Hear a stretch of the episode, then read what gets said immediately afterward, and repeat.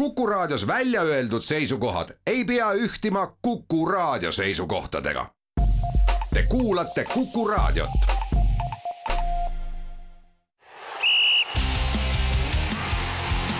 vutikohus. vutikohtul aitab pinget kruvida Pahv tere tulemast kuulama Kuku raadio jalgpallisaadet Vutikohus, mis on eetris igal neljapäeval ning mida juhivad Ott Järvela jalgpalliportaalist sokkernet.ee ja Andres Vaher. meie saadet saab jätkuvalt järelkuulata Kuku raadio äpis ja podcastide keskkonnas, samuti iTunesis, Spotify's ning Postimehe spordiveebis. vutikohus võtab igal nädalal jutuks aktuaalsed jalgpalliteemad ning tähtsamad jalgpallikohtumised algab vutikohtu saja viiekümne esimene istung ning alustame teemaga, mis oleme ausad, on Eesti jalgpalli jaoks tundub ikka päris, päris crazy. Eh, ehk et eh, saame alustada teemaga Eesti alistas jalgpallis Itaalia kaks-null Äh, tõsi, olgu öeldud, ja ei olnud nüüd tegemist A-koondistega, vaid oli tegemist U üheksateist Euroopa meistrivõistluste valikturniiriga, aga eile äh, päeval see äh, kohtumine Itaalias toimus ning Eesti meeskond pärast kangelaslikku kaitselahingut ja väravaht Ott Nõmme mitmeid suurepäraseid tõrjeid lõi kohtumise lõpus kaks väravat ning võitis tõepoolest Itaaliat EM-valikmängus kaks-null. see ei ole ei igapäevane ega loogiline tulemus. Ja noh, täpsustan, et mäng toimus Poolas, see turniir, turniir toimub Poolas, kus siis mängivad lisaks Eestile, Itaaliale veel Poola ja Bosnia-Hertsegoviina. aga no ei ole igapäevane ega isegi mitte iga aastakümnene, sellepärast et et ükski Eesti koondis noh, nii suurt jalgpalliriiki ametlikus mängus võitnud veel ei ole, et küll on siin U seitseteist koondis sai siin aasta sees järjest või kahe aasta sees järjest võitis siin Hispaaniat, Hollandit, Prantsusmaad ja Rootsit aga need olid äh, maavõistlused. aga need olid, need olid sõprusmängud kogu, mis on ka olid tugevad tulemused, aga need olid, äh, nendes punkte ei antud. ja, ja kuskil kümme aastat tagasi oli see noortekoondis, kuhu kuulus näiteks Henrik Ojamaa, võitis kodusel EM-valikturniiril teiste seas Horvaatiat, et ja, ja pääses äh, eliitringi, et see mhm. oli, ma mäletan, toona oli see ju ka selline esimene suur õnnestumine üldse. Kadri, Kadrioru staadionil. ja noorte jalgpallis Euroopa tasandil Eestile, aga vutikohtu koosseis tekitab sellise suurepärase võimaluse, et sellest U19 mängust me ei pea rääkima selliselt ähm, kõrvalseisja ja, ja ametlikul positsioonilt, vaid me saame rääkida vägagi isiklikul positsioonilt, sellepärast et Andrese poeg Andreas on selle Eesti U19 koondise kapten, nii et esimene küsimus, Andres, minult sulle on see, et, et mis tunne oli seda mängu jälgida eile? no arvutiekraani vahendusel, kust tulevad äh Äh, live-pilti sellest mängust keegi ei tootnud äh, UEFA leheküljelt äh, vaadata niimoodi, et, et sul tuleb sinna ainult selline ametlik ja kuiv statistika. kaks tundi järjest. ega midagi enamat. noh, see oli kaunikesti, lõpuks oli ta päris närvesööv, aga, aga noh, aga lõpuks meeldiv. tööd teha ei saanud, tunnistan ausalt. jah ähm,. kuidas noh, sa paratamatult, sa pead olema natukene rohkem kursis selle U19 koondise sisetoimetamistega. kuidas sa iseloomustaksid seda, mida, mida, mida Andreas on sulle rääkinud, mille poolest nad, nad võib-olla erinevad mingitest muudest Eesti noortekoondistest või, või, või oma, oma tegemistes, oma, oma mõtetes, sest no iga, igal sellel võistkonnal on ju paratamatult ja, ja õnneks on iga võistkond omanäoline võistkond alati nojah, ma ei oska, kuna ma ei näe ju, mis teised koondised nii väga teevad ju, eks, et, et noh, kuigi Andres on kuulunud ka varasematesse koondistesse ka vanemas vanuseklassis, aga aga noh, ja öelda siin praegu, et, et, et nad nüüd kuidagi tahtsid rohkem kui teised, noh, see oleks liiga võib-olla pretensioonikas, et ma usun, et ikka iga Eesti koondis, kui ta läheb valikturniiri mängima, nagu tahab, lihtsalt küsimus on see, et et millal ja kuidas see välja tuleb, et, et et eile tuli, noh, see oli niisugune ehtne, ehtne mäng, kuidas Eesti noh, saabki suurt võita, noh, et nagu tohutu kannatamine, natuke õnne või palju õnne äh,. aga noh, selleks, et oma õnn välja teenida, et see ei ole nagu niimoodi, et nagu ma mõnelt poolt noh, jällegi kommentaariumitest lugesin, et see oli nagu noh, nagu alavääristati, et, et nii masendav ülekaal, no ei olegi võimalik nagu mängida sellise võistkonna vastu kuidagi no,. kuidas võitis Glasgow Celtic kunagi FC Barcelonat niimoodi no,, et nad valdasid palli üksteist protsenti mängu ajast ja aga, aga võitsid kaks-null. eile, eile oli umbes, no ma ütleks kakskümmend viis, seitsekümmend viis, kakskümmend viis umbes oli see palli valdamine, et et noh, ja, siis tulebki, tulebki kannatada ja, aga nad tunnetasid selgelt, et Itaalia isegi võib-olla ei läinud närvi, aga nad võtsid järjest rohkem riske. Ja neil oli nii palju oli seda klassi ja meisterlikkust ja väga targad vahetused peatreener Alo Pärengrobi poolt, kes tõi just teravat, teravust ette juurde. Ja kahe kontraga teed lõpus ära, noh, et, et, et noh, see näitab nagu seda, et tegelikult selle tohutu kannatamise juures nii treenerid kui mängijad säilitasid sellise tõelise usu ja ja, ja, ja nagu kaine mõtlemise, et, et, et kus on meie võimalus ja nii ta tuli. Noh. mitu vahetust Eesti, Eesti tegi? ikka vist kõik viis tegi, tegi ära. kas, kas viie vahetuse reegel, mida, sest varem mängiti ka noorte jalgpallis ju kolme vahetusega, kas viie vahetuse reegel annab väiksematele äkki veidikene suurema võimaluse just tänu sellele, et et nendes noh, kaitselahingutes, mida väiksed suurte vastu ikkagi peavad, äh, äh, võimalik tuua rohkem värskust, rohkem uut, uut verd platsile võib tegelikult hoopis äh, kaitsjat eeldusel, et seis püsib aidata? nojah, ma ei oska värskuse koha pealt öelda, aga fakt on see, et taktikaliselt oli see kasuks, sellepärast et Itaalia mängis lõpuks nelja ründajaga et, et noh, null-nulli peal, et nemad, nemad läksid seda mängu igal juhul võitma, mis on ka loogiline ja ja Eesti sai siis selle tõttu nagu oma ruumi sinna, et, et ja veel kord, et see oldi suutelised ära kasutama, et see ei ole niisama lihtne, et me ju näeme küll ja küll, kus seda lihtsalt ei suudeta teha ja vajutakse ise ära, et, et seekord läks teistpidi mis äh, võib olla selle tulemuse tagajärg veidikene pikemas plaanis? no lühemas plaanis on seis see, et vastases on veel Poola ja Bosnia-Hertsegoviina ning neljaliikmeliselt turniirilt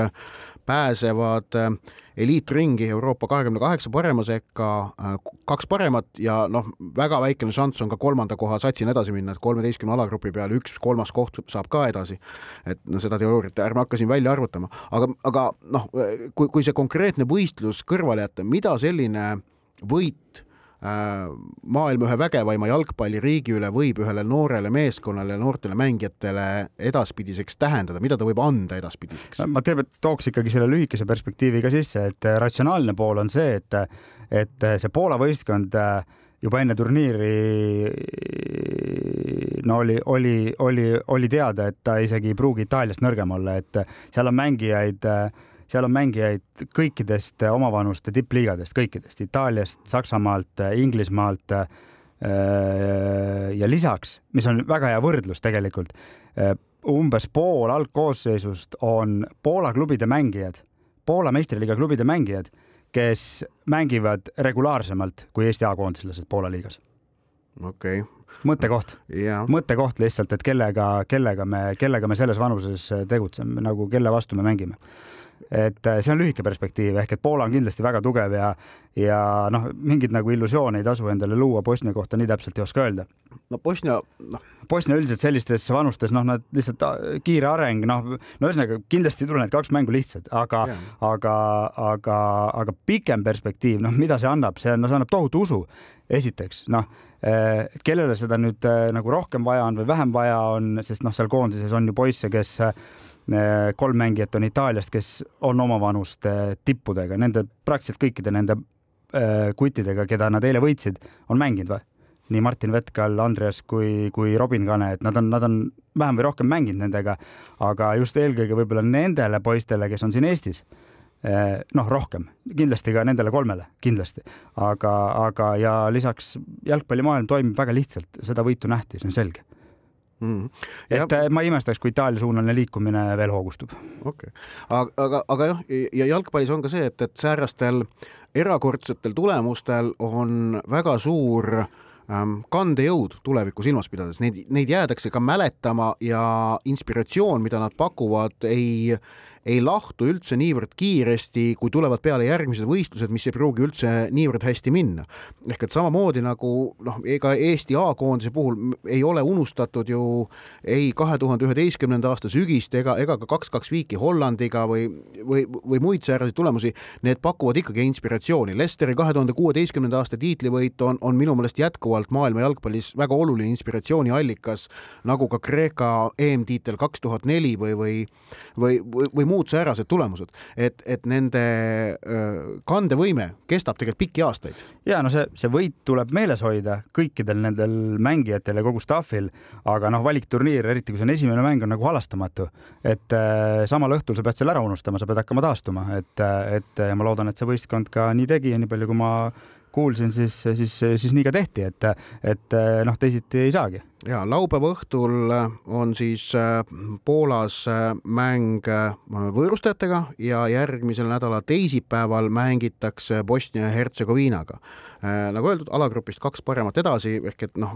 kui nüüd niimoodi väga niimoodi ülbelt läheneda, et kui Bosniast jagu saadakse, siis peaks, siis on arvestatav tõenäosus, et, et on korras jah, noh, isegi viik Poolaga juba annab. no siis, siis on, siis on väga hästi, aga, aga, aga, aga võit Bosnia üle võiks olla see, mis koondist edasi viib. aga jah, oluline, et see meeskond ise nagu ei, vähemalt praegu veel ei mõtleks liiga palju ja ma usun, et nad ei mõtle ka, et tuleb minna lihtsalt mängima ja, ja siis vaadata edasi, mis saab. jah, aga see vau-efekt eile, äh, kui, kui see teade laekus, mina mängu ei jälginud, äh, mulle tuli telefonile tõuketeatis, et siis äh, see oli ikkagi võimas, võimas hetk, et ja väikesel jalg jalgpalliriigile säärased äh, pisikesed äh, pisikesed, äh, ent olulised momendid pakuvad väga palju innustust ja, innustust ja rõõmu. aga liig-, räägime natukene ka muudest kohtumistest, mis möödunud nädala jooksul on toimunud, vaatame otsa kolmele välisliigale. Äh, koondise paus algas äh, tegelikult juba eile õhtul, kui Šotimaa alistas kodus Ukraina kolm-null Rahvuste Liiga mängus, mis oli siis edasi lükatud kevadest, et teha toona ruumi Ukraina koondise mm valikmängudele. Ähm, nii ja täna õhtul Rahvuste Liiga mängudega jätkatakse üle terve Euroopa ning mängitakse neid teisipäeva õhtuni välja, aga enne kui läheme Rahvuste Liiga juurde, me räägime ikkagi veel praegu nüüd just nimelt möödunud nädalavahetusel toimunud meistrivõistluste kohtumistest ja siis võtame ette ka Eesti A-koondise teema. Ning meistrivõistluste juttu alustame Saksamaa meistrivõistlustest, sellepärast et Bundesliga-s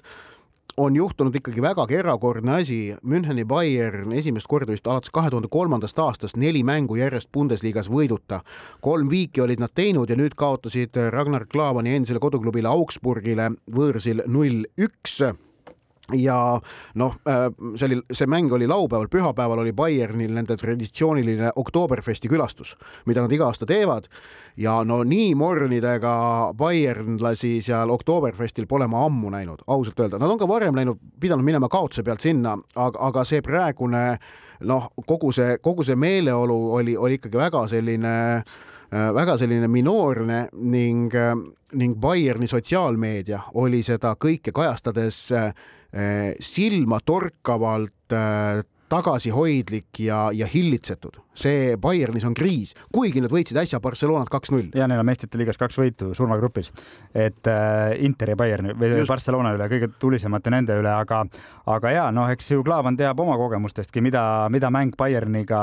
Baierimaal, see on tarbimäng, kõige vahetum tarbimäng. ja Klaavan teab ka väga hästi, kuidas, kuidas, mäng, kuidas neid mänge võita. kuidas võita, nii et, et selles mõttes nagu Äh, ei midagi uut, aga, aga siis praegusest olukorrast äh, rääkides jah, et et no ma, ma tegelikult ei kahtle selles, et, et Julian Nagelsmann keerab selle olukorra ümber oled sa kindel, et talle võimalus antakse? sest et, et Toomas Tuhheli vaim. ta tahtsin öelda, Toomas Tuhheli nimi ja vaim juba, juba seal kuskil hõljuvad. no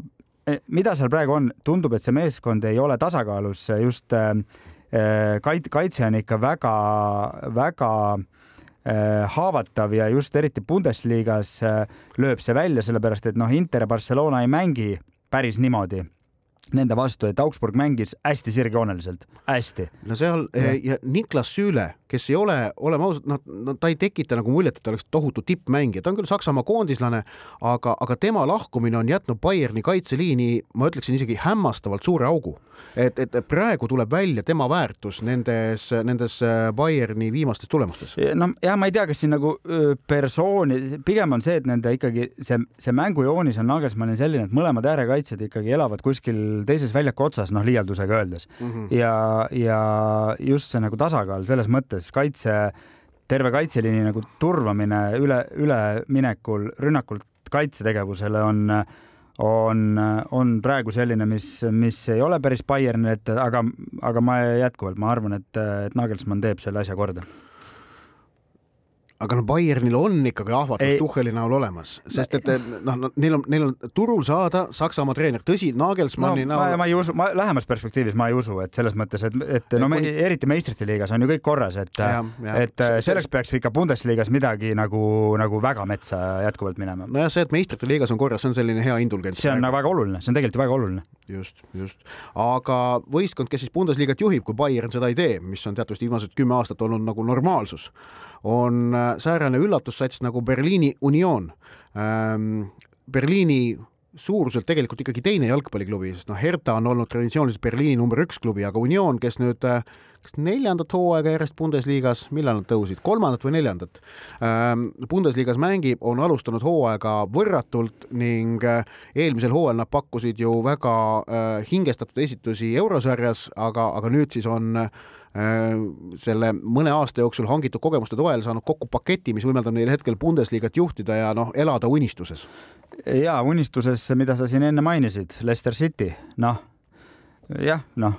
üldiselt ei juhtu siukseid asju, aga me arvasime, et Leicester City puhul ka ei juhtu. aga praegu jah, siis ainuke meeskond Bundesligas, kellel ei ole ühtegi kaotust, meeskond, kes, kellele on löödud kõige vähem väravaid ja meeskond, kes liigat juhib, noh et jah, seitse mängu on ainult äh, peetud, aga šveitslasest peatreener Urs Fischer on teinud siiamaani vähemalt äh, noh, hämmastavat tööd ja, ja noh, sellistele lugudele mina elaksin kaasa võimalikult kaua jah, Lesteri kahe tuhande kuueteistkümnenda aasta meistritiitlit meenutades, siis üks oluline osa, mis neil võimaldas meistriks tulla, oli see, et nad kukkusid välja varakult mõlemast Inglismaa karikasarjast ja ei mänginud eurosarja. no äh, Unionil on seis see, et äh, et nad karikast äh, välja kukkunud veel ei ole Äh, ja, ja no järgmine vastane Heidenheim, et ei, ei tohiks kukkuda, aga Euroopa liigas, kus nad mängivad, nad on alustanud kahe kaotusega. väga hea. just nimelt, et, et see nende Bundesliga šansile, kui nad Euroopa liigast välja pudenevad, ei tee midagi paha. ütleme niimoodi ausalt, otsekoheselt välja. aga, aga noh, praegu on ikka igal veel väga vara, seitse mängu, kolmekümne neljas on alles kakskümmend protsenti hooajast mängitud. ja, ja no Bayern, noh, nii kehvaks ta ei jää, ta ei pruugi äh, ta ei pruugi saavutada seda ladusust, mida me oleme harjunud nägema Bayernil, aga, aga noh, nii kehvaks nad kindlasti ei jää. Lähema kahe vooru, vooru jooksul Bayern liidriks ei tõuse seda küll, jaa. nii, vaatame nüüd siis Itaaliasse, mida me eelmises saates kõvasti kiitsime, et seal on tulemas äge voor ja ja kuigi meie suured lootused olid seotud kohtumisega AC Milan-Napoli, mis kahtlemata neid lootusi ka täitis, see oli väga hea mäng, siis tegelikult juhtus ka mujal ja juhtus üldse mitte vähe. Monza, väikene jalgpalliklubi, kelle kohta ma mäletan, et kui ma tegin kaks tuhat kaheksa ei, kaks tuhat üheksateist suvel Maximiliano Udžega intervjuu, kui ta oli lahkumas Nõmme Kaljust ja siirdumas Itaalia seerie C-sse ma ei mäleta isegi, mis klubisse ta toona läks, aga, aga siis ta ütles, et, et selles liigas, kuhu ta läheb, et, et seal on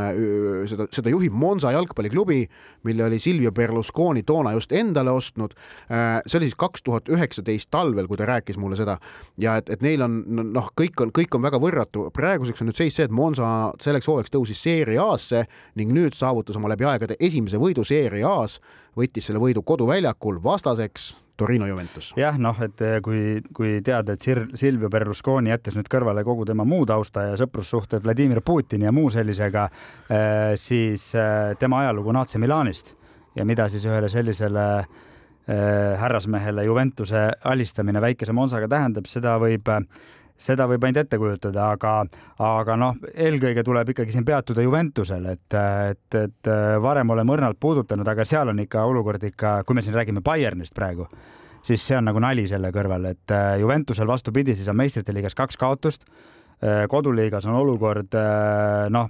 põhimõtteliselt sama täbar ja no, no, no ütleme nii, et aga see kaotus oli neil koduliigas siiski esimene, neil oli siiamaani kirjas neli viiki. nojah, aga kui tabelisse vaatad, siis seitse punkti liidrist ja ei, koht, koht on kaheksas. jah, et ei ole midagi ilusat, et aga noh, eelkõige just see mäng ja, ja, ja Massimiliano Allegri igasugused noh, hästi sellised hästi siuksed närvilised,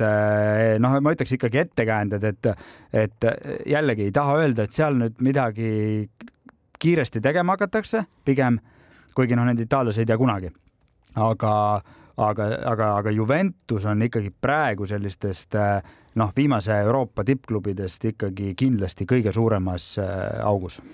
ja et kui Allegri jõudis Juventusega meistrite liigas finaali vist isegi kaks korda oma, oma eelmisel ametiajal, siis tegelikult kogu läbi selle ametiaja temast õhkus sellist äh, rahu ja, ja, ja üleolekut olukorrast, selles mõttes seda head positiivset üleolekut, et äh, et vahet ei ole, mis seal juhtub, et noh, ta suudab üle olla, siis praegu on nagu asi täiesti vastupidi. vaatad Allegri kehakeelt mängude ajal, vaatad ka tema või, või loed tema kommentaare, et ta on nagu väga selline okkaline, turris nagu siil ja, ja see näitab see, see on tavaliselt on see märk, et mingid asjad ei toimi seal klubis sees ja no noh, Juventusel lisaks sportlikele probleemidele on teatavasti ka ikkagi noh, organisatsioonilisi probleeme, see, see klubi on ülejäänud Euroopa klubi jalgpalliga ikkagi väga selges äh, konfliktis ja, ja võimalik, et need äh, konfliktid on kuidagi jõudnud ka esindusmeeskonnani, mille eest noh, kui omanikul Andre Agnellil natukenegi oidu on ja ma usun, et tal on, ta peaks kaitsma esindusmeeskonda kõige, kõige, kõige hinna eest, et, et, et ei jõuaks sellised jamad äh, võistkonnale, sest et nende mõju sportlikele tulemustele on ilmselge, mida rohkem segavaid faktoreid, seda kehvemad on tulemused. aga paistab, et, et mingi jama on sealt ja Kotermann on sinna sisse läinud, aga, aga Juventus polnud ainukene, kes tappa sai, et Milano Inter sai Udinese käest, AS Rooma sai Atalanta käest. no see, et Rooma kaotas Atalantale, see on noh, eeldatavalt võrdsete meeskondade mäng, Atalanta võitis, äge oli muidugi see, et kui me siin täna, täna siin oleme noorte jalgpallist äh, saate esimeses osas rääkinud, siis Atalanta eest selle mängu ainsa värava sepistasid kahe tuhande kolmanda aasta poisid, et äh, taanlane Rasmus Õilund äh, söötis ja itaallane äh, Giorgio Scalvini lõi ära, nii et, et see, aga, aga Interi kaotus jällegi Interi ja Juventus hädadest me eelmises saates juba pikemalt peatusime. aga Inter sai nüüd kolmanda võõrsil kaotuse järjest ja, ja seal on ikkagi ka asi, asi noh, ikkagi noh, jällegi väga vara on öelda, et rõhutame alati, kui me praegu räägime liigadest, kus on peetud mingi seitse-kaheksa vooru, see kõik on väga vara, aga need on, need on, need on märgid no ja Interil on kolm kaotust juba kirjas, muuseas nad on Juventuses tabeli sees, kuigi neil on kolm kaotust, Juventusel üks. rohkem jah äh,. aga üldiselt äh, meistriks tulla üle kuue kaotusega on suht võimatu Äh, ikkagi sellistes tippliigades ja Interil on praegu kolm kaotust kirjas, aga, aga Napoli võit kaks-üks AC Milani üle äh, ma usun, et see on emotsionaalselt Napolile tohutult tähtis. võõrsilt võtta AC Milani vastu, valitseva meistri vastu võit, kindlustada liidrikohta, äh, säilitada kaotuseta staatus see, see, sellel Napolil on hoog sees. kui ma nüüd ei näe, ma ise ei ole selline, kes üldse nagu tegelikult omistab mingit väga suurt tähendust sellele, kuidas mingid klubid on omavahel varem mänginud, ma arvan, et see ei mängi erilist rolli, aga Napoli on, on minu mäletamist mööda Milaniga olnud ka viimastel aastatel eriti võõrsil mängudes edukas, aga selles konkreetses äh, äh kohtumises, kus kummaltki esiründaja, noh, okei okay,, Milani poolelt Rafa Leo ei ole päris nagu ründaja, ta on ääreründaja, aga, aga rünnaku liider Äh, ja samamoodi Naap-, Napoli poolt siis Victor Osimhen jäid kõrvale, ähm, siis äh, Giovanni Simeone äh, võiduvärav, Giovanni Simeone siis Diego Simeone poeg ja, ja siis noh, tuues siin veel saatesse paralleele siis mängija, kellega Ragnar Klavan Kaljaris koos mängis. ja samamoodi Grusiini Kvitša Kvaratselia, kes on absoluutselt kindlasti Serie A parim ost võib-olla üldse parim mängija praegu. no see, mis ta meistrite liigas Liverpooli vastu korraldas no, ta on üleüldse, ta on, ta on üleüldse, see on ikka see on ikka noh, et ütleme nii, et kui üldiselt neid igasuguseid silte kleebitakse mängijatele külge noh, liiga kergelt, siis eh, mis ta nimi seal oli, Kvara-, Kvaradona vist eh, Napolis, et et eh, jah, ei võrdle Kvaratseeliat Maradonaga, aga seal, seal nagu, seal on natukene põhjust küljes. no vot, just. Ja olgu öeldud ka, et Hispaanias mängiti Madridi derbi ning mitte mingit üllatust ei sündinud, Madridi Real võõral väljakul Atleticost kaks-üks jagu sai, noh, nii nagu Madridil ikka või noh, nagu Realil kombeks on, ehk et võetakse klassiga see võit ära, Realil jätkuvalt täisedu Hispaania kõrgliigas, kuuest mängust kuus võitu. Barcelona võitis ka Elchet kolm, kolm-null, aga Hispaania teema number üks tegelikult oli ikkagi seotud Madridi Reali äh, ääreründaja Vinicius Juniori vastu no väga inetute rassistlike rünnakutega, mis algasid peale ühest telesaatest, kus, kus keegi jalgpalliagent kritiseeris Viniciuse värava tähistamistantse,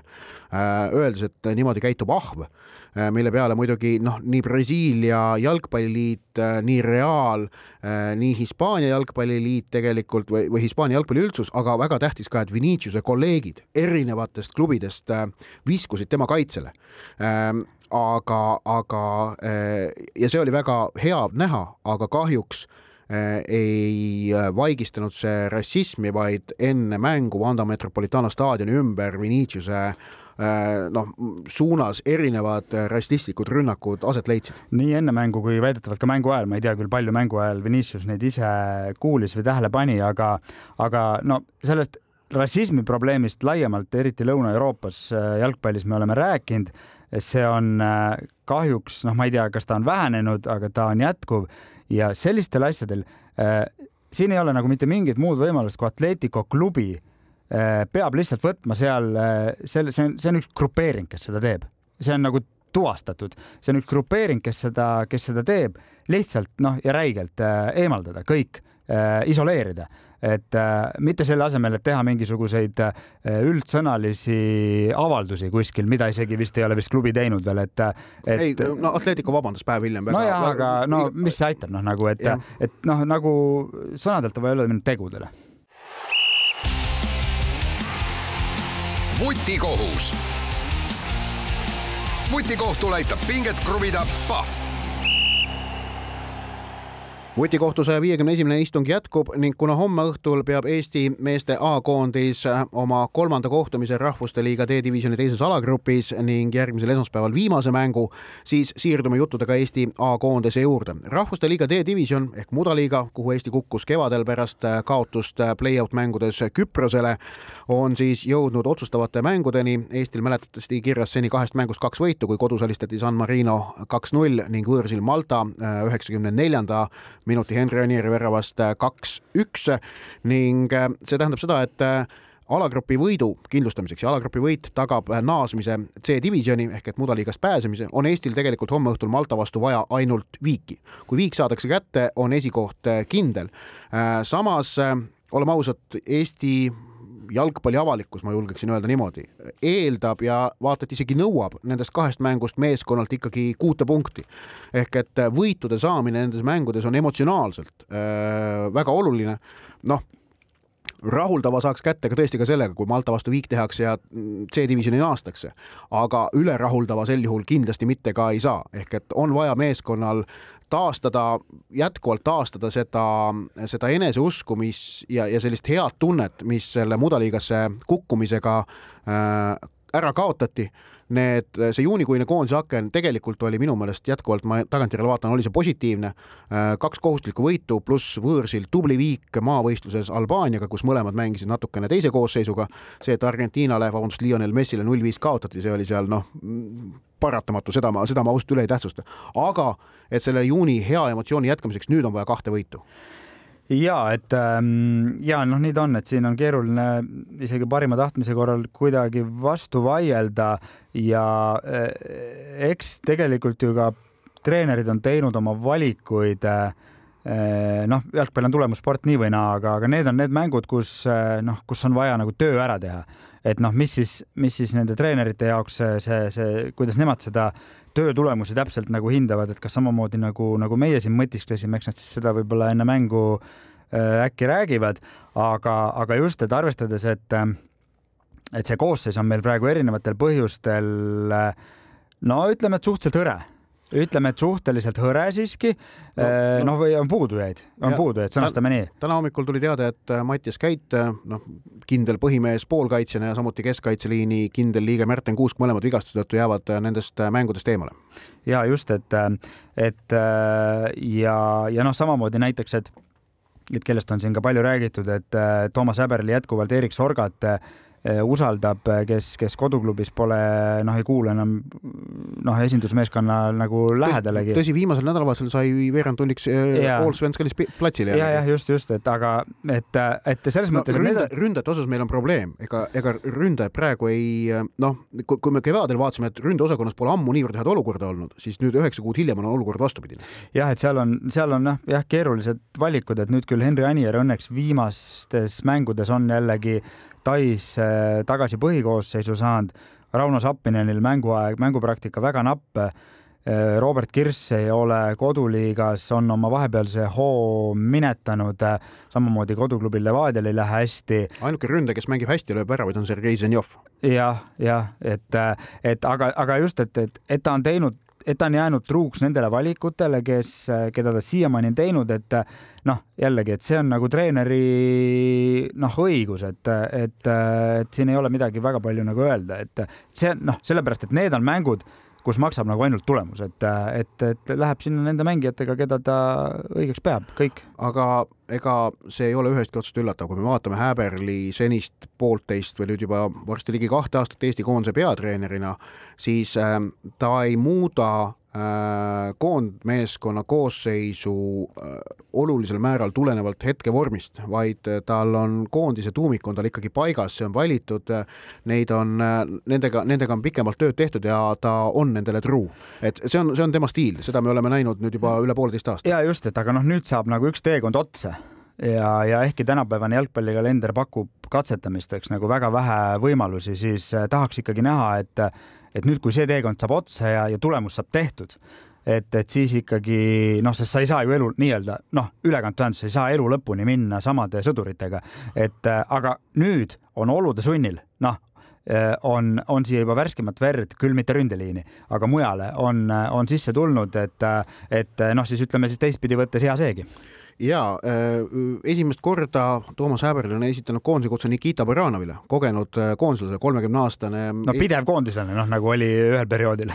ja aga, aga Häberli käe all ta seni kutseid saanud ei ole, ta mängis viimati koondises kaks tuhat kakskümmend äh, novembris vist või oktoobris ähm,. aga Nikita Baranov nüüd koondises tagasi ning noh, kuuse vigastus tekitab arvestatava võimaluse, et ta võib ka põhikoosseisus olla, ehk et see kaitseliin võib vabalt olla Mets, Baranov, Tamm, kellega äh, Malta vastu väljakule minnakse, keskkaitseliin äh,. samuti esimest korda on Häberli põhikoondisesse kutsunud Georgi Dunjovi, kes samamoodi Karel Voolaidi Eh, ehk siis eelmise Eesti koondise peatreeneri käe all oma debüüdi teenis pärast seda, kui ta oli äh, Spalli ridades ka Itaalia Serie A-s väljakule saanud. seejärel Dunjovil äh, klubikarjääris äh, keerulisemad ajad, aga nüüd on ennast klubirindel paremini käima saanud ning, ning on nüüd A-koondises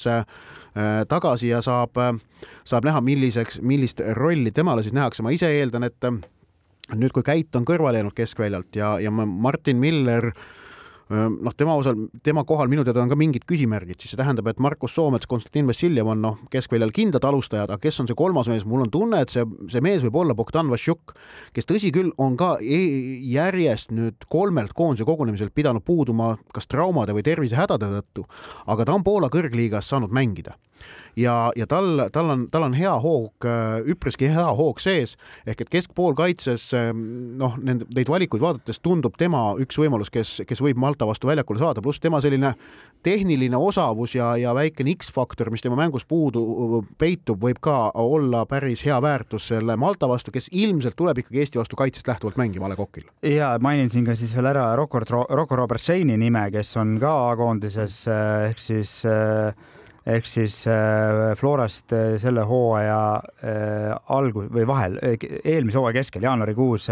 Utrechti siirdunud jah, pool, keskpoolkaitsja, kes, kes on nüüd siis ka jala pannud päris tugevalt juba Utrechti esindusmeeskonna ukse vahele mänginud Hollandi kõrgliigas, nii et, et, et milliseid valikuid Häberli teeb, kui me jah, noh, selles mõttes jah, et Vassiljev ja Soomets on kindlad, aga eks seal sõltub ka, kuidas kuidas kellegi rollid on, et, et isegi jah, pigem ma arvan, ma arvan, et Vassiuk on loogiline, aga see võimaldab aga, ka Vassiljevil mängida natuke madalamal. jah, aga teistel, aga on ka, on ka mingid argumendid, miks näiteks Dunjovi või Shane'i eelistada, et, et, et päris huvitav jah. ja, aga nüüd vaatame väike, väike perspektiiv, perspektiiv ka vaadata, et sa ütlesid ka, et, et noh, mingil hetkel tuleb hakata uusi, uusi mehi vaatama ja, ja noh, natukene koosseisu värskendada, see on iga koondise puhul täiesti noh, paratamatu protsess, mis peabki kogu aeg toimima. Äh, pärast neid Rahvuste Liiga mänge tuleb Eesti koondisel sel aastal veel kaks mängu, need on novembris Balti turniiri mängud ja no, nüüd me jõuame armsa teemani. E, ja e, idee, idee poolest. me ei ole kokku leppinud midagi ja me ei ole kokku leppinud absoluutselt midagi, aga, aga ma prognoosin, et et Häberli ei taha ka seal teab mis palju katsetama hakata, sellepärast et ta tahab tiitlivõitu kaitsta. ja no jah, aga ma ütlen sellisel juhul, kui, kust me otsime neid kohti, need on praktiliselt ainsad kohad mm. -hmm. sul ei ole muid äh, maa, noh, sest mingeid sest, Kariibi mere turneesid me ei korralda või kui korraldame, siis me ei saa sinna nagu, kui me tahame välismaalt näiteks kedagi kutsuda või, või, või, või, või need, need mängud ei ole ka siis piisavalt head, ma ütleksin. sest üheksandal oktoobril loositakse Eestile vastased EM-valiksarjas. tõsi äh,, EM-valiksarja loosimine tuleb nüüd säärane, et äh, kümme alagruppi millest kolm on kuueliikmelised, seitse on viieliikmelised. seitsekümmend protsenti šanss Eestil on sattuda viieliikmelisse gruppi, mis tähendab, et järgmisel aastal, kalendriaastal jääb tavalistes koondise akendes kaks võimalust maavõistlusteks. Äh, mul on tunne, et see kuluks Eestile väga ära, et, et tavaliselt on Eesti soovinud, et olla kuueses suures valikgrupis, et saaks ka mõne selle noh pisikesega mängida, et saaks enam-vähem kindlaid punkte tabelisse. mul on tunne, et Eesti koondisele praegusel hetkel kuluks väga ära see viiene valikgrupp, et, et tekiks järgmiseks aastaks paar maavõistlust, mis annaksid Häberlile äh, võimaluse natukene noh, proovida siit-sealt katsetada, anda mingisuguseid, otsida mingeid uusi mudeleid. mina näen küll praeguses olukorras ja minu noh, jällegi see on noh, eks igaüks ise otsustab, treenerid otsustavad lõpuks kõik asjad, aga just nimelt olukorras, kus see Balti karikas on võidetud mm., siis äh, no, no, no, no selle, see, ma ütlen, selle loogika järgi sa ei saagi kunagi midagi proovida ja proovimise all ma ei pea silmas kaugeltki mitte mingit nagu mingit lausuuendamist, et mõned mängijad, kolm, neli, viis mingit. Äh, no kaks-kolm mängijat per mäng ja nojah, üldse ma mõtlen valikusse, tood mingi kuni noh, neli-viis mängijat vastavalt siis positsioonidele või kellegi vormile, eh, millele iganes, et, et nimesid siin praegu nimetamata, see sõltub olukorrast, aga, aga põhimõtteliselt, et see, see, see, see meeskond, ehkki ma, mulle väga meeldib, et Häberli mängib nagu igat mängu noh, tõesti siiralt nagu tulemuse peale, see on, see on, see on väga positiivne, seda võib-olla isegi ei ole alati niimoodi olnud, aga samas sa pead säilitama selle, et, et kui sa jääd liiga kinni nendesse sõduritesse, ükstapuha, kuidas neil kuskil oma koduklubis läheb, no siis minu jaoks ei ole jätkusuutlik vot, sellised jutud praegu Eesti A-koondisest, Eesti-Malta homme õhtul kell üheksateist null null, San Marino Eesti esmaspäeva õhtul kell kakskümmend üks nelikümmend viis. Paneme panuseid. oleme vutikohtu saja viiekümne esimese istungiga jõudnud sinnamaale, et on käes aeg mõtiskleda pahv.ee pakutavate jalgpallikoefitsientide üle ja seekord siis annab elu meile võimaluse püsida või õigemini mitte püsida, aga minna koondise lainele just ähm, Rahvuste Liigast minu kõik kolm pakkumist tulenevad, mõned on vallatumad, mõned vähem vallatumad. alustan sellega, et Leedu mängib kodus Fääri saartega ja kuigi Leedu meeskonna seis on, on halb ja neid äh, ohustab väga selgelt see äh, mudaliigasse langemine, siis äh, Leedu koefitsient kodus Fääri saarte vastu kaks koma kakskümmend kolm. oota, ütle enne, kas see kuulub sinna vallatute või mittevallatute pakkumiste see on pigem mittevallatu. see on mittevallatu, jah. jaa, ma olen sinuga ikkagi nõus pigem seega, jah, jah teine äh, pakkumine, ma, ma ei oska öelda, kas see on vallatu või mitte, aga igatahes mingil sõgedal põhjusel Itaalia koondis on koduses mängus Inglismaaga outsideri rollis pahv.ee koefitsientides. Itaalia võit kodus Inglismaa vastu kaks koma üheksakümmend viis, mööndes, et Itaalia ei mängi MM-il ja Inglismaa mängib ja et Itaalia peatreener Roberto Mancini ilmselt midagi katsetab, aga endiselt Itaalia kodus Inglismaa vastu kaks koma üheksakümmend viis, see on sõgedalt kõrge koefitsient nojah, see on selline mäng, kus ma ütleks, et, et võimalused on kolmkümmend kolm, kolmkümmend kolm, kolmkümmend kolm. et äh, jah, ja sealt tulenevalt siis teeksin ka mina koefitsiendid hästi nagu laia labaga, aga noh, päris nii ei ole tehtud, aga no jällegi noh jah, et jah, kahjuks selle rahvuste, mis ei ole, mis on loomulik ja selle rahvuste liiga puhul ikkagi koondistel on erinevad eesmärgid ning kolmandaks vaatan mängu Prantsusmaa-Austria, mis täna õhtul toimub. Prantsusmaa meeskonnal valitsev maailmameister nad küll on, aga, aga on olnud siin viimase nädala jooksul erinevaid jamasid. Äh, ja, ja jamad ei ole olnud mitte mängulised, vaid väga selgelt mitte jalgpallilised, aga teatavasti mittejalgpallilised jamad jõuavad vägagi sageli ka väljakule. nii et šanss, et Prantsusmaa kodus Austriast jagu ei saa, koefitsient kolm koma null viis, tundub minu jaoks nende Prantsusmaa koondise jamade, mis on puudutanud reklaamiõigusi ja mängijate keeldumist mingitel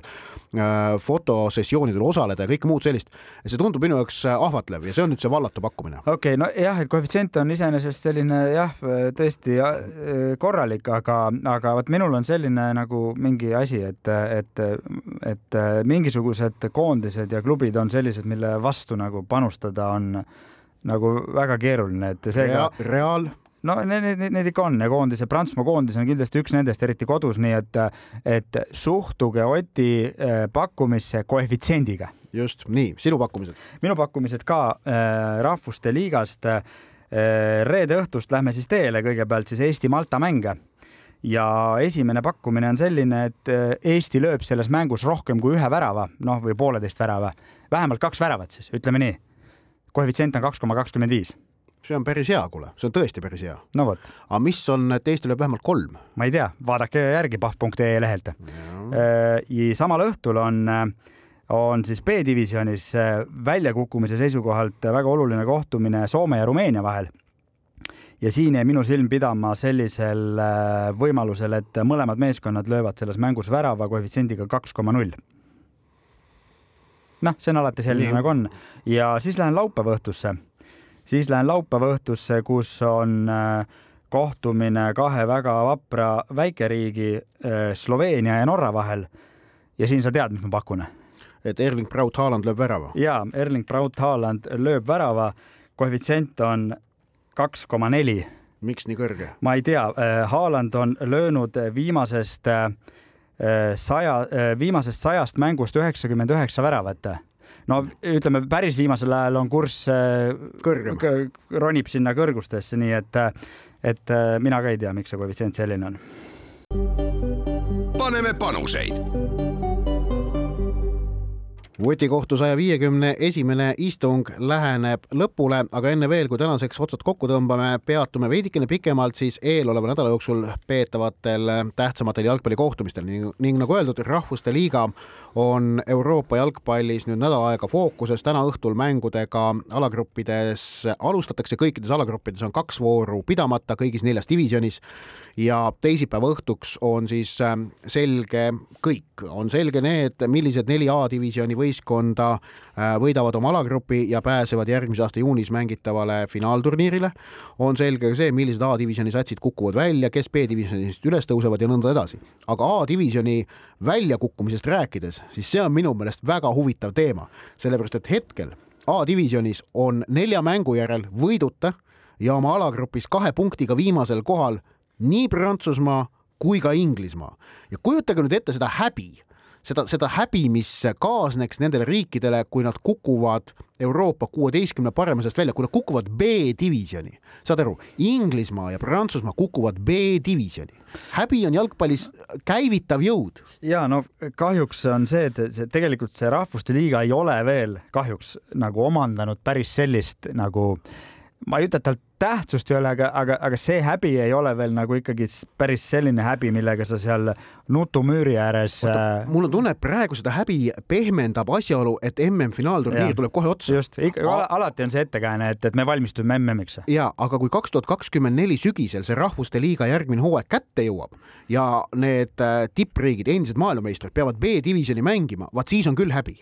ja, ja Prantsusmaa siis äh, nagu juba varem öeldud, täna õhtul juba meie saate praegu, praegusel ajal äh, on alanud mäng äh, Austriaga, Inglismaa homme õhtul võõrsil vastamisi Itaaliaga ja siis pühapäeval Prantsusmaa võõrsil Taaniga ja esmaspäeval. väga keeruline mäng, väga keeruline mäng. ja ega ei tule Inglismaal ka esmaspäeval väga lihtne mäng Saksamaa vastu. just, et inglastel on, on vastamisi, vastas, vastas veel jah, Itaalia ja Saksamaa, et Ungariga nad on kaks mängu mänginud ja kodus kaotasid äh, null neli ja võõrsil kaotasid null üks ehk et äh, noh, see on, see on, see on, see on nagu asjade seis, mis inglastel äh, tabelis vastu vaatab. Hispaania ja Portugal selgitavad ilmselt omavahel siis ühe esikoha omaniku A-divisjonis, Taani ja Horvaatia selgitavad teise noh, selles Ungari, Saksamaa, Itaalia, Inglismaa nelikus seal no, Ungari šansid ma ikkagi tahaks arvata, on, on tagasihoidlikud, et pigem Saksamaal on seal kõige paremad võimalused ja lõpuks siis Holland ja Belgia panevad omavahel paika, kes neljandana sinna finaalturniirile saab. et, et, et see on A-divisjoni, A-divisjoni seis. Äh, B-divisjonis äh, on, on šotlastel üllataval kombel päris hea olukord ja, ja ma ütleks selle A-divisjoni juurde siis veel ka selle, et kui sa mainisid neid duelle, siis äh, pühapäeva õhtul on omavahel vastamisi Holland-Belgia ja teisipäeva õhtul Portugal-Hispaania ehk et, et need on siis tõenäoliselt äh, vahetud esikohamängud Su väga suure tõenäosusega. aga jah, et Šotimaa äh, saab taaskord Ukrainaga mängida. Nüüd noh, võõrsil ei saa öelda, Ukraina oma mänge paraku koduväljakul pidada ei saa, kohtuvad siis Poolas teisipäeva õhtul uuesti äh, Äh, Ukrainaga ja enne seda on äh, Šotimaal, Šotimaal. Iirimaaga mäng just, laupäeval. just ja Ukrainal siis Armeeniaga. Äh, vot Soome, nagu öeldud, peab võitlust väljakukkumise vastu, neil esikoha varianti ei ole. Norral see-eest on väga hea. C-divisjoni vaadates siis Türgi on kindlalt naasmas B-divisjoni, Kreeka on selle koha endale juba taganud. Kasahhidel on, on päris head võimalused ja Kasahstani jalgpallikoondis on, noh, võib öelda ilmselt lähedal oma suurimale saavutusele oma senise ajaloo jooksul. Ehm, ja, ja siis mainides vast selliseid tippriike, kellel olukord on kehva, siis no Bulgaaria torkab silma, kes on eh, C-divisjonis enda alagrupis eelviimasel kohal, lootused tõusta on kadunud ja tuletan meelde, Bulgaaria on MM-i poolfinalist endine, aga, aga nüüd mängivad Euroopa C-divisjoni lootuseta sealt üles tõusta. ja siis sealsamuses C-divisjonis, mida me siis äh, siin äh, enda huvidest tulenevalt vaatame, on siis hetkeseisuga äh, otse D-divisjoni kukkumas ehk hetkel viimasel kohal Leedu, kellel on ainult kaotused. muidugi otse ei kukkunud, kukuvad sinna väljalangemismängudele. ütleme, kes on praegu kukkunud jah, väljalangemismängudele Leedu, Küpros, Valgevene ja Gibraltar, nii et, et äh, just, ja D-divisjonist äh, Eesti juhib oma alagruppi ning teist alagruppi juhib Läti, kusjuures siin on nüüd huvitav asi, mille peale tegelikult siin D-divisjonis ka veel mäng käib, see on selline väga ehku peale värk, aga oleks äh, oleks neetult hea, kui Eesti suudaks äh, edest- äh,, lõpetada enda äh, alagrupi D-divisjonis mudaliigas paremate näitajatega kui Läti ehk et olla parem esikoha omanik kahes D-divisjoni alagrupis, sest see võib teatud väga ebatõenäoliste asjaolude kokkulangemisel avada Eesti meeskonnale tee kahe tuhande kahekümne neljandast EM-finaaltur-, EM-valikturniiri play-off'i, seda siis juhul, kui kõik kui A-divisjoni kolmeteist, kuueteistkümnest võistkonnast kolmteist järgmise aasta EM-valikturniiril lunastavad otsepääsmu. ma usun, et raadiokuulajal läks nüüd natukene juhe kokku. see ongi väga keeruline, aga olgu siis öeldud, et Eesti koondise eesmärk võiks olla äh, kui, kui, kui, kui edasipääs juba tagatakse, ikkagi võimalikult hea väravate vahe saavutada, et seeläbi äkki õnnestub edestada Lätit äh, võrdluses ja seeläbi mm, võib juhtuda kunagi midagi ilusat tulevikus. ja et Lätil on küll äh, punkte rohkem, aga seda seetõttu, et äh, nemad mängivad neljaliikmelises ja meie kolmeliikmelises alagrupis ehk et selles mõttes arvesse lähevad mängud ikkagi mängud teise ja kolmanda vastu ka neil, nii et, et, et see, see, see võimalus on olemas loodame, et nii läheb ja siis jälgime, kas elu pakub meile imetabase võimaluse või mitte täname kuulamast vutikohtu saja viiekümne esimest istungit, saatejuhid olid Ott Järvela jalgpalliportaalis soccernet.ee ja Andres Vaher. oleme uuesti eetris järgmisel neljapäeval ikka kell üheksa õhtul ja meie saadet saab järelkuulata Kuku raadio äpis ja podcastide keskkonnas ning samuti iTunesis, Spotify's ning Postimehe spordiveebis. Kuulmiseni. vutikohus vutikohtul aitab pinget kruvida Pahv